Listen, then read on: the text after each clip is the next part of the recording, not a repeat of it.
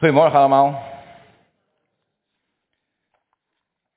Het is alweer half oktober en langzamerhand gaan we, wordt het s'avonds nog eerder donker en blijft het 's morgens nog wat langer donker.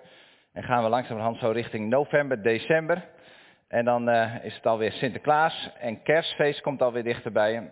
En dat is ook te merken door wat er door je brievenbus komt. Ik heb even het stapeltje meegenomen wat er bij ons gisteren door de bus kwam. Allemaal Albert Heijn, Ethos, ik mag natuurlijk geen reclame maken, Praxis enzovoort. Scapino, Hema, alles zit erin. En ik vind het dan wel leuk om tijdens een bakje koffie of zo daar even wat doorheen te bladeren. Ik weet niet hoe jullie dat doen. Je kan ook een sticker op de deur plakken dat je ze niet wil hebben. Ook misschien een goed idee.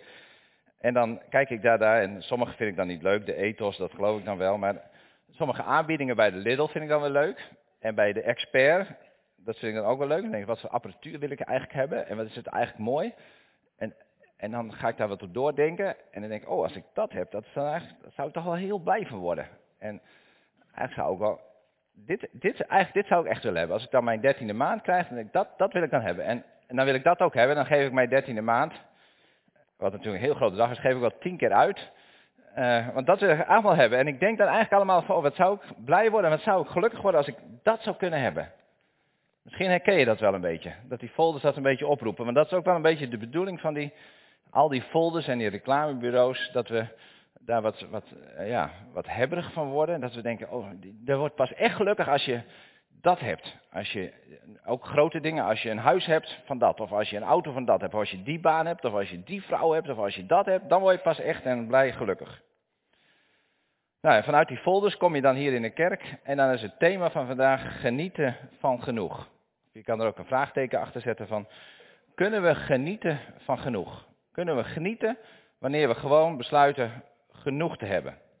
Of kunnen we pas genieten van als we meer dan genoeg hebben, als we meer hebben? Als we meer hebben dan dat we nu hebben, als ons verlangen gestild wordt en dat we meer hebben en meer en meer willen hebben, dat we dan pas gelukkig worden. We dan pas kunnen genieten. Genieten van genoeg. Daar gaan we vanochtend met elkaar over nadenken. En ik las deze week ook op nos.nl dat we in Nederland meer dan genoeg hebben. En misschien staat ons dat ook wel in de weg om te genieten, omdat het meer dan genoeg is. Maar Nederland behoort tot de top vier rijkste landen van de wereld. Dus we hebben niks te klagen, maar we hebben meer dan genoeg. Maar misschien staat het onze genieten ook wel in de weg.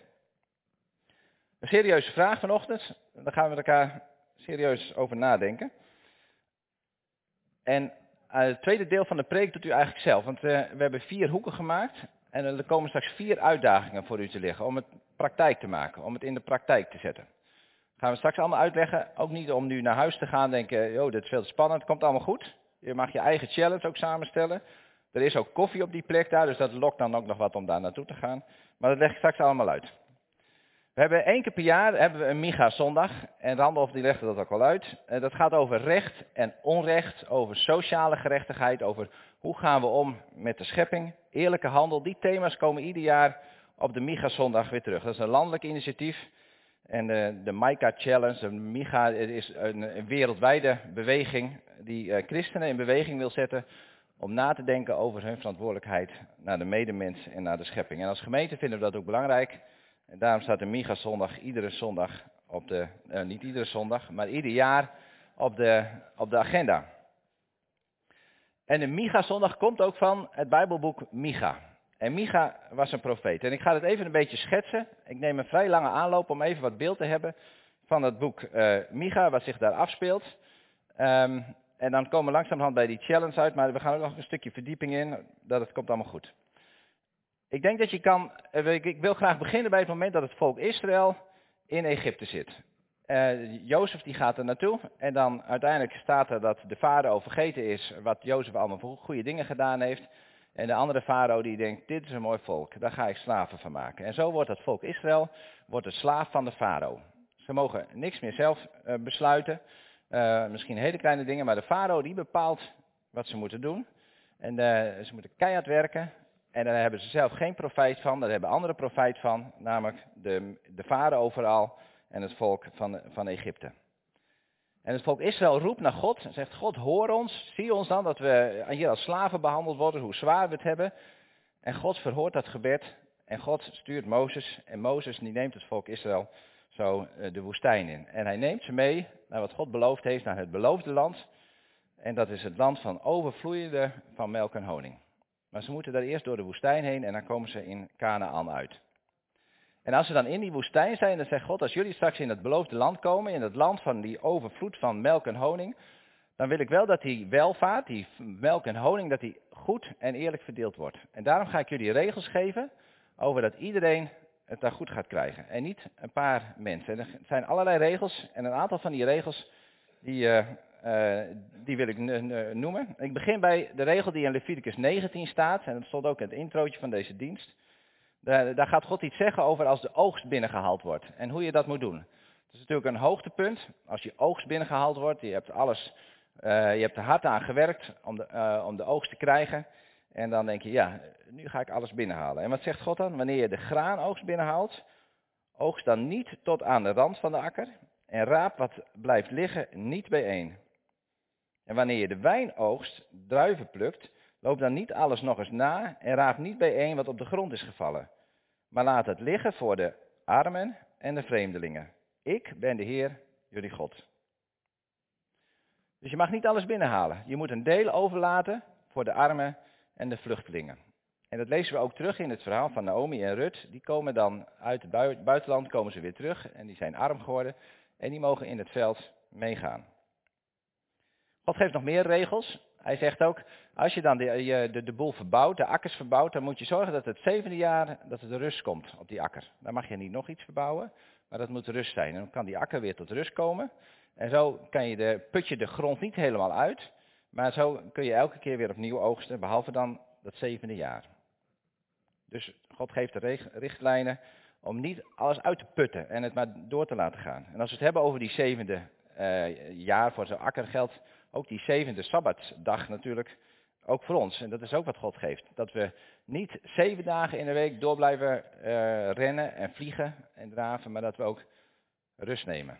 Dat de zevende dag een rustdag is en dat we tot rust komen en ons niet alleen druk maken dus over de kleine dingen om ons heen, of de grotere dingen om ons heen, maar dat we ook ontdekken wie het ons geeft. Dat God het is die ons zijn vrede en zijn rust, dat Hij de Heer van de schepping is. Dat we, net zoals nu vandaag, moment stil zijn om te bedenken, waar gaat het eigenlijk om in dit hele leven? En dan heeft God nog iets bedacht uh, en, en als richtlijn weergeven, dat is het jubeljaar. En dat is het vijftigste jaar, dan zijn er heel veel jaren geweest. En dan zegt God, in het begin als jullie in het beloofde land komen, dan zit er een bepaalde verdeling. En dat vijftigste jaar, dan moet alles weer terugverdeeld worden. Dus als je in die vijftig jaar winst gemaakt hebt en land gekocht hebt en misschien ook nog wel uh, uh, misschien zijn er ook wel mensen die schulden hebben gekregen, die dan voor anderen heel hard moeten gaan werken en misschien zelfs nog wel slaaf geworden zijn. Dus God in het vijftigste jaar, dan gaan we het allemaal weer opnieuw verdelen, zodat er geen duurzame armoede komt in, in, in mijn land. God wil niet dat er generaties achter elkaar mensen in armoede leven. Nee, dan wordt het opnieuw herverdeeld. Dus God geeft allerlei regels, nog veel meer regels, en zometeen zien we er ook nog wel een paar van, dat we goed moeten zorgen voor de kwetsbare mensen in onze uh, in ons land, in de mensen om ons heen. Voor onze akkers, voor onze eigen rust. Dat we voldoende rust nemen. En dat we ervoor moeten zorgen dat mensen niet blijvend in armoede en in schulden blijven. Nou, die regels geeft God mee voor het volk Israël, wat naar Canaan gaat, naar dat beloofde land. En dan komen de rechters en dan komen de koningen. En dan komt dat boek Micha komt in, uh, in, in beeld. Maar dat is tijdens de koning Hiskia. En dat is dan Micha, die profeteert over, uh, over, het, over het onderste deel van, van, de, de, van Israël. Dat is in tweeën gesplitst en het gaat dan over Juda gedeelte. En God klaagt daarin de Israëlieten aan dat ze oneerlijke handel doen. Dat ze oneerlijk zijn en dat ze, dat ze ingaan tegen de geboden die God gegeven heeft. En dat stukje wil ik met jullie uh, lezen. En dat is hoofdstuk 6 van Micha. Micha 6, en het is een, een, een aanklacht van God. Ik lees hem voor uit de, de Bijbel in de gewone taal. Ik kon zo snel, nou, als ik had gewild, had ik de nieuwe Bijbelvertaling natuurlijk wel kunnen, uh, kunnen kopen. Maar ik doe het in de Bijbel in gewone taal. En het is een, een aanklacht. Dus God zegt iets, dan zegt het volk iets en dan zegt Micha iets. En dan komt de reden waarom God eigenlijk zo boos is. Wij zouden eerst denken dat moet eerst komen, maar in dit Bijbelgedeelte is dat niet zo. Um, zodat je een beetje weet wat, wat de setting is. Het is een soort, soort rechtszaak eigenlijk. Micha 6. De Heer gaat Israël aanklagen. En de bergen en de heuvels moeten het horen. Luister, bergen, naar de aanklacht van de Heer. Ook diep in de aarde moeten zijn woorden gehoord worden. De Heer zegt tegen zijn volk, mijn volk, wat heb ik verkeerd gedaan? Waarmee heb ik jullie lastig gevallen? Vertel het me toch. Toen jullie slaven waren in Egypte, heb ik jullie bevrijd. Ik heb Mozes, Aaron en Mirjam gestuurd om jullie leiding te geven.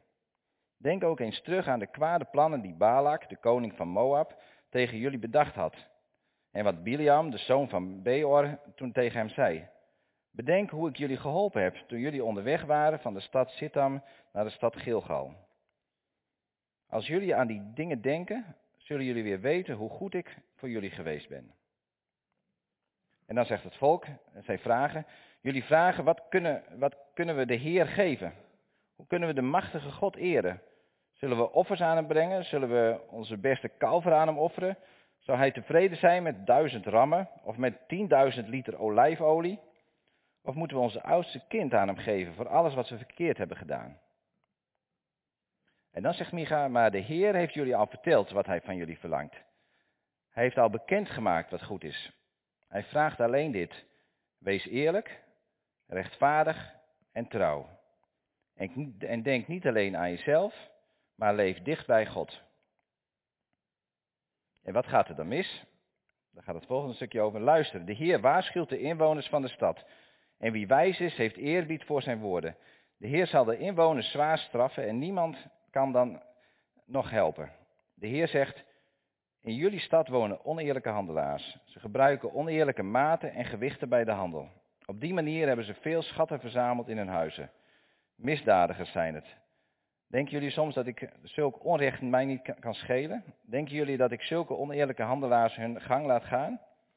Jullie stad is vol onrecht, want de rijke mensen gebruiken geweld en iedereen liegt en bedriegt.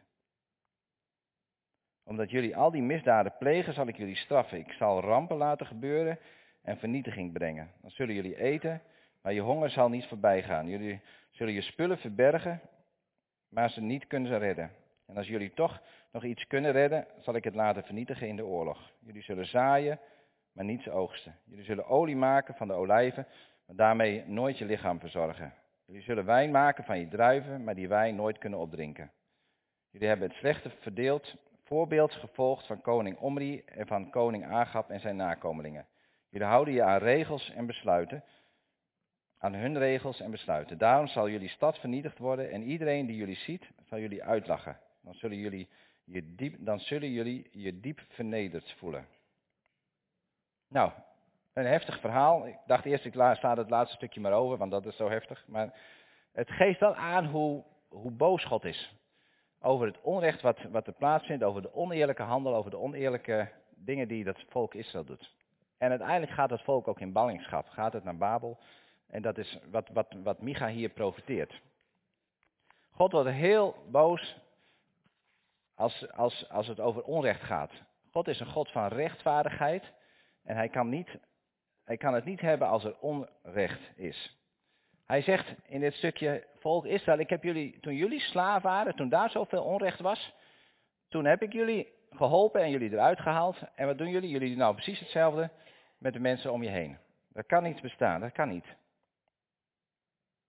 God is daar heel erg duidelijk over. En als we nu in de tijd vooruit gaan, 2700 jaar vooruit, en we zitten hier in uh, 2021, en dan is de vraag aan ons van hoe kijkt God nu naar ons? Hoe kijkt God naar deze wereld? En hoe is het nu met het recht en met het onrecht? En ik dacht, wij leven ook. We zijn de top vier rijkste landen in de wereld. Alleen Denemarken, VS en Zwitserland liggen voor ons. Wij leven ook in een land overvloeiend van melk en honing. In ieder geval gemiddeld genomen. Dat zal niet iedereen misschien kunnen zeggen, maar over het algemeen hebben wij het dus echt hartstikke goed met elkaar. Maar tegelijk, als we kijken naar de situatie van toen, en die leggen we op hier, dan zijn er ook heel veel dingen niet veranderd. Ook nu is er nog heel veel onrecht in de wereld. En ik kan je heel veel verhalen vertellen, er zijn boeken geschreven op internet, kan je heel veel verhalen vertellen hoeveel onrecht er in deze wereld is in de kledingindustrie, over hoe onze mobieltjes gemaakt worden, over de cacao-oogst, hoe volwassenen daar werken, uh, maar ook kinderen daar moeten werken. Hoe mensen schulden hebben opgebouwd die ze hun leven lang nooit kunnen afbetalen. En dus een leven lang maar moeten blijven werken voor die werkgever of voor die persoon aan wie ze die schuld moeten afbetalen. Mensen leven in slavernij. En ik heb het uitgezocht in, bij Amnesty International. En dan zeggen ze 40 miljoen mensen in deze wereld leven in slavernij. Dat zijn 25 miljoen uh, die in arbeidsslavernij zitten. En dan vervolgens nog 15 miljoen vrouwen die slachtoffer zijn geworden van een gedwongen huwelijk. Dus vrouwen die slaaf zijn van hun man uiteindelijk geworden. 71% van al die slaven is vrouw. Als je het hebt over die arbeidsslavernij. En ik las een voorbeeld in het boekje. En als je je daar een beetje in wil verdiepen, kan je heel veel dikke boeken lezen. Maar je kan ook een wat dunner boekje lezen. Genieten van genoeg van Martine Vonk. Zij heeft heel veel dingen daarin uitgezocht. En in Nederland ook wel uh, dingen op gang gebracht. Zoals bij Time to Turn en andere. En de MIGA-netwerk heeft zij op gang gebracht. Zij is uh, een aantal jaar geleden overleden. Maar een mooi boekje geschreven. Waarin je zegt, nou daar wil ik me eens wat in verdiepen. Om daar iets van, meer van te weten. Daar las, las ik een voorbeeld in over de Eelco Fortuin. Is ook iemand die bezig is met uh, heel veel met, met, deze thema's. En die had dingen uitgezocht. In Zuid-Afrika was een, een theeplantage. En daar werkten de mensen niet volgens de arbeidsvoorwaarden, zoals die normaal zouden zijn. En ze zijn jaren bezig geweest om die arbeidsvoorwaarden daar te verbeteren. Zodat de mensen wel een eerlijk loon krijgen en wel goede arbeidsomstandigheden kregen. En uiteindelijk was het gelukt. Dus iedereen was blij en er werd een feestje gevierd, want nu hadden we er eindelijk recht.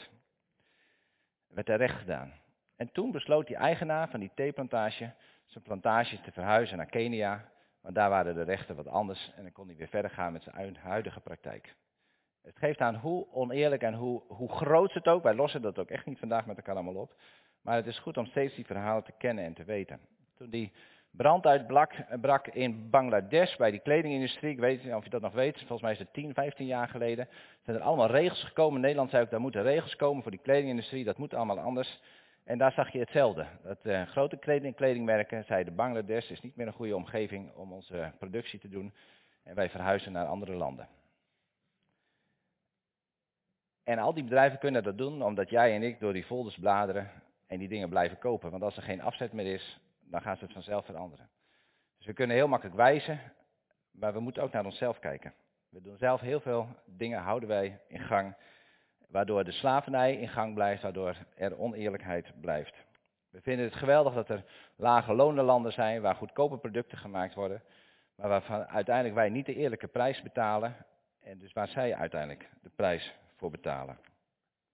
Dus als we kijken naar onszelf, en dit zijn nog maar een paar voorbeelden en meer voorbeelden hoef ik ook niet te noemen, dan is er ook nog niet zoveel veranderd. Eerst was het volk in slavernij, toen was er oneerlijke handel bij Micha en nog steeds is er oneerlijke handel en slavernij bij ons. En hoe kijkt God daarna? Ik geloof dat God niet veranderd is. God is nog steeds dezelfde.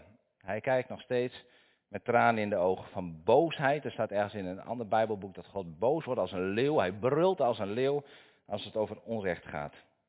En als we kijken naar het leven van Jezus, dan zien we ook dat hij oproep doet om ons in te zetten voor degene die dorst heeft, die honger heeft, die in een gevangenis zit, die kleding ontbreekt. Dat, ga daarmee aan de slag, zegt hij.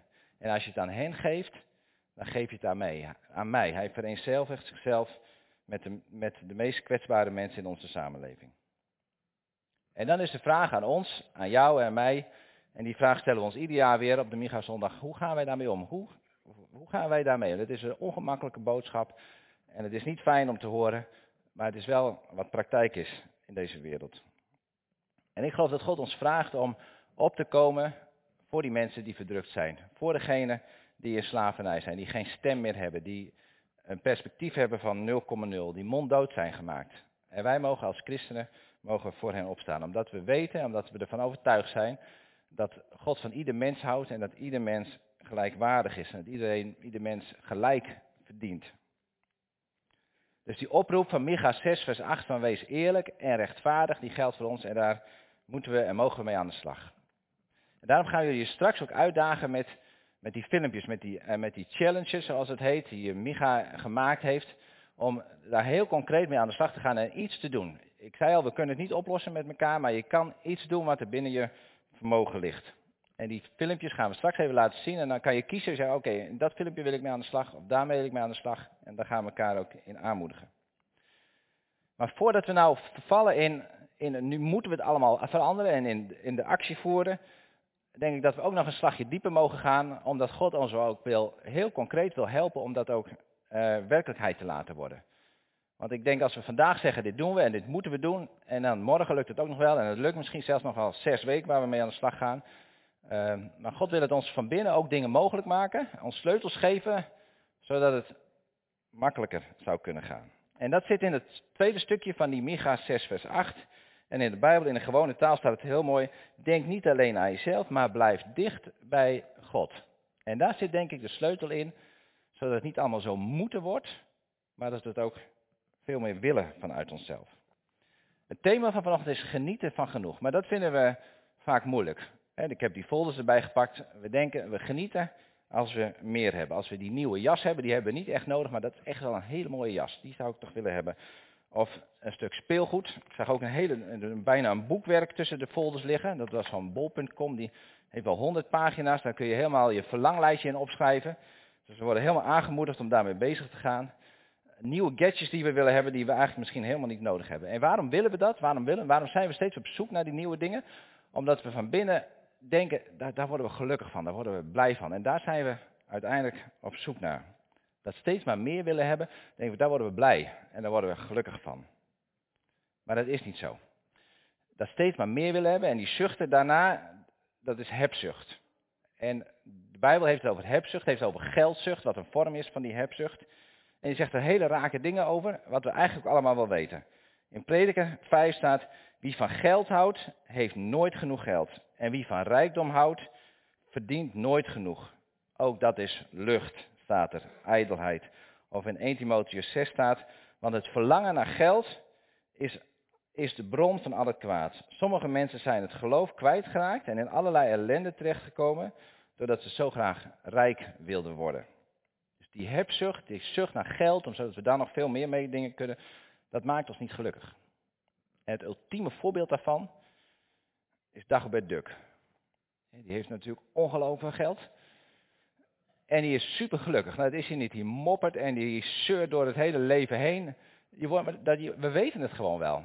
We hebben allemaal Donald Duck gelezen en we weten het allemaal. Het helpt ons niet. En toch geloven we dat het wordt en willen we daar mee verder. Waarom? Omdat we eigenlijk op zoek zijn naar die rust in onszelf.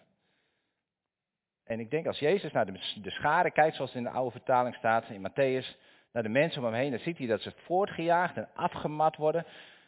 En, in hun heil zoeken overal. Uh, maar Jezus zegt dan, kom tot mij en ik zal je rust geven. Ik zal je rust van binnen geven. En die, die hebzucht, dan steeds maar meer en meer willen, ten koste van heel veel andere dingen, en ten koste van andere mensen, het niet kunnen genieten van genoeg, dat is een zoektocht naar rust. Als schapen zonder herder, zegt Jezus dan. En we weten wel wie onze herder is. Hij is zelf onze herder. En als, toen moest ik denken aan Psalm 23 en daar staat, ik ben de, je herder en het zal je aan niets ontbreken. Als ik je herder ben, dan heb je genoeg. Dan krijg je daar genoeg van. Niet dat je dan al die cadeautjes krijgt, Nee, maar dan is het hij diegene, hij geeft datgene wat je echt nodig hebt. Niet wat er op je verlanglijstje staat, maar hij geeft je datgene wat je echt nodig hebt, die rust en die vrede van binnen. En heel makkelijk lopen we achter de leugen aan van hoe meer we hebben, hoe gelukkiger we worden. Nou, hoe meer we hebben, hoe ongelukkiger we misschien wel worden.